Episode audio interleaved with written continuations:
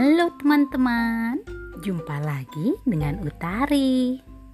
Kalian pasti sudah tidak sabar untuk mendengar kisah selanjutnya ya.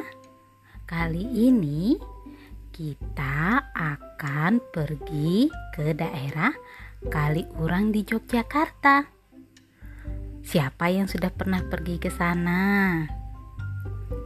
Ada apa di kota Kaliurang?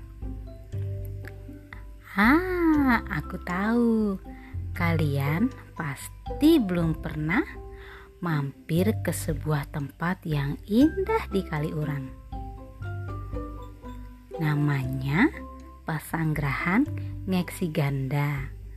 Pesanggrahan ini merupakan bangunan cagar budaya. Kisahnya aku bacakan dari buku Ensiklopedia Cagar Budaya Indonesia yang diterbitkan oleh Kementerian Pendidikan dan Kebudayaan, Direktorat Jenderal Kebudayaan, Direktorat Pelestarian Cagar Budaya dan Permusiuman, dan Wonderland Family. Kisah ini ditulis oleh Utami Nilasari. Judulnya Pasanggrahan Ngeksi Ganda, bangunan cagar budaya yang indah dan unik di Yogyakarta. Seperti apa sih keunikannya? Yuk kita cari tahu sama-sama.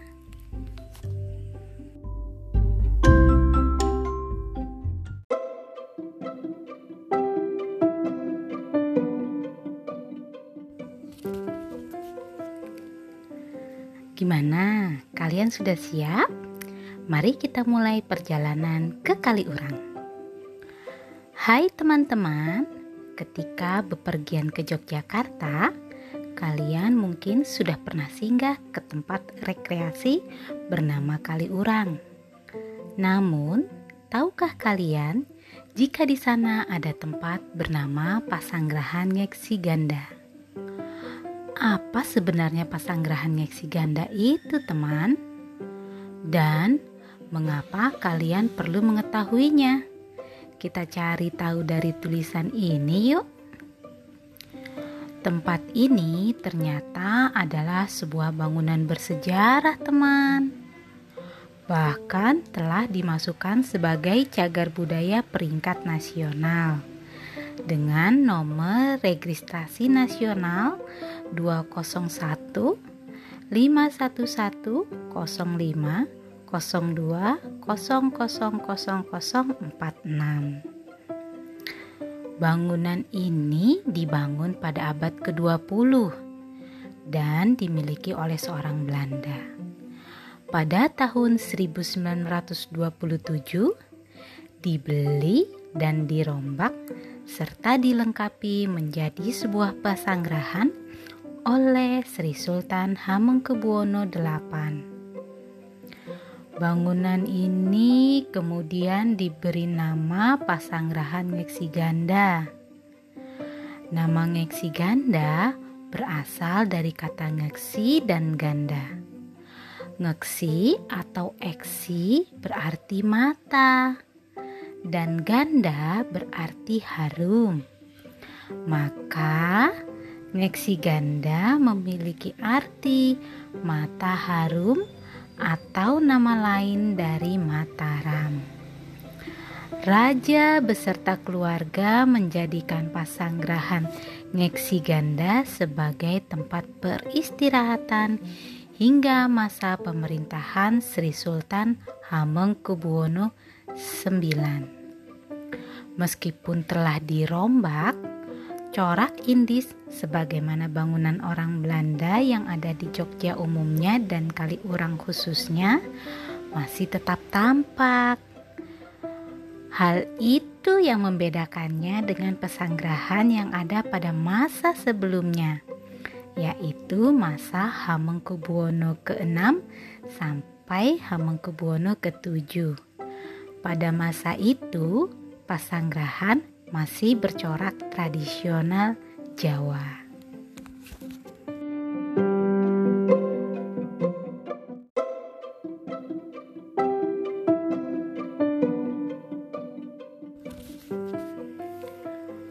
Pasanggrahan Nyeksi Ganda memiliki halaman yang luas dan menghadap ke arah barat daya.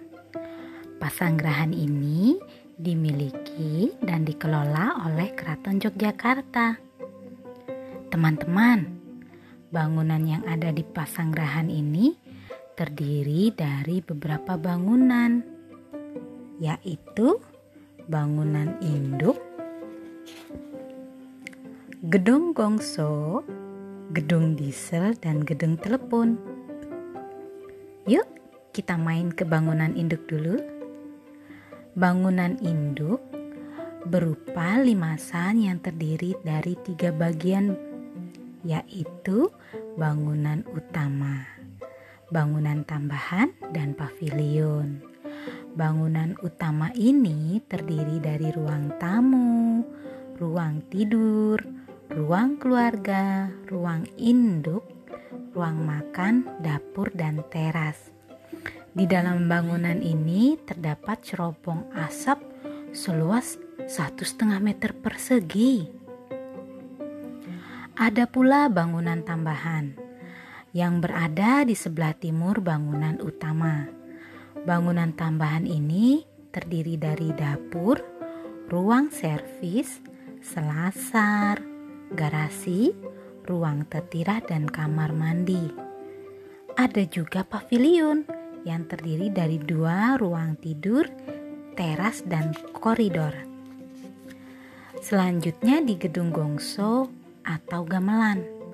Bangunan ini berbentuk limasan juga yang berfungsi dahulu sebagai tempat pertemuan para delegasi Komisi Tiga Negara.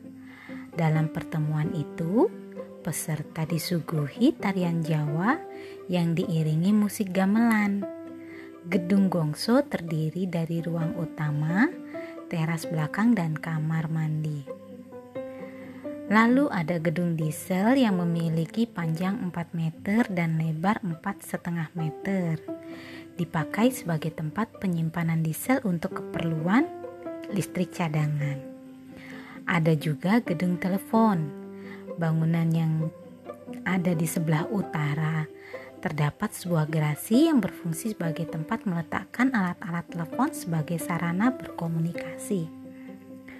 Teman-teman, pesanggrahan Ngeksi Ganda selain indah dan unik juga menyimpan cerita bersejarah loh.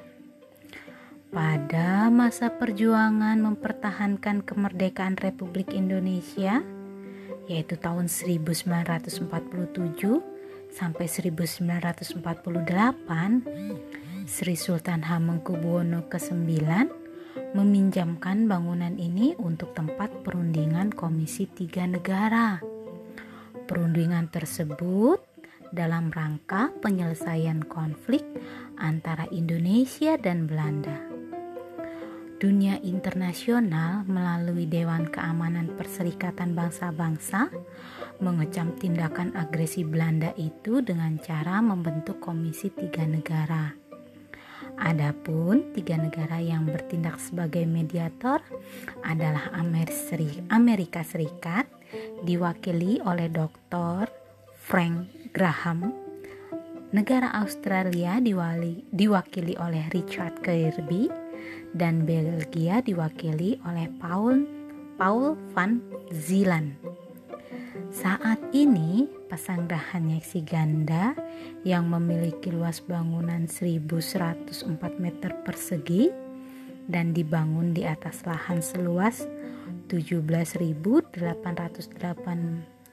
meter persegi masih berdiri dengan kokoh, indah, dan terawat.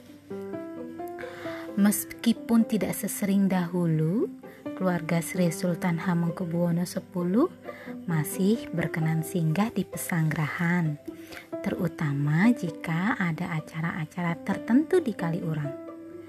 Bangunan cagar budaya ini lokasinya mudah dicari, teman jika kalian berrekreasi di Taman Kaliurang, silakan berjalan sebentar untuk mencapainya. Letaknya hanya bersebelahan dengan Taman Rekreasi Kaliurang. Hmm, meskipun mudah dicapai, Namun tampaknya banyak yang belum mengetahui keberadaan bangunan ini. Mungkin karena saat ini pasanggrahan ngesi ganda hanya tampak sebagai bangunan kuno saja. Berbeda jika difungsikan sebagai museum yang di dalamnya diisi oleh benda-benda yang mendukung kesejarahannya. Semoga suatu saat nanti bangunan ini benar-benar dijadikan museum. Bagaimana dengan kalian, teman? Tidakkah kalian tertarik untuk menikmati keindahan dan keunikan pasanggahan Nyeksi Ganda seperti yang telah aku lakukan? Ingat, cagar budaya Indonesia adalah kekayaan budaya Indonesia. Maka, marilah kita mencintai dan melestarikannya.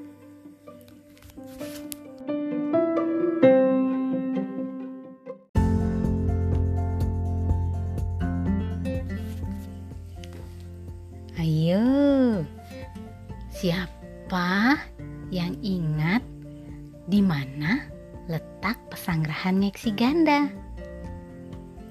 Ya, betul.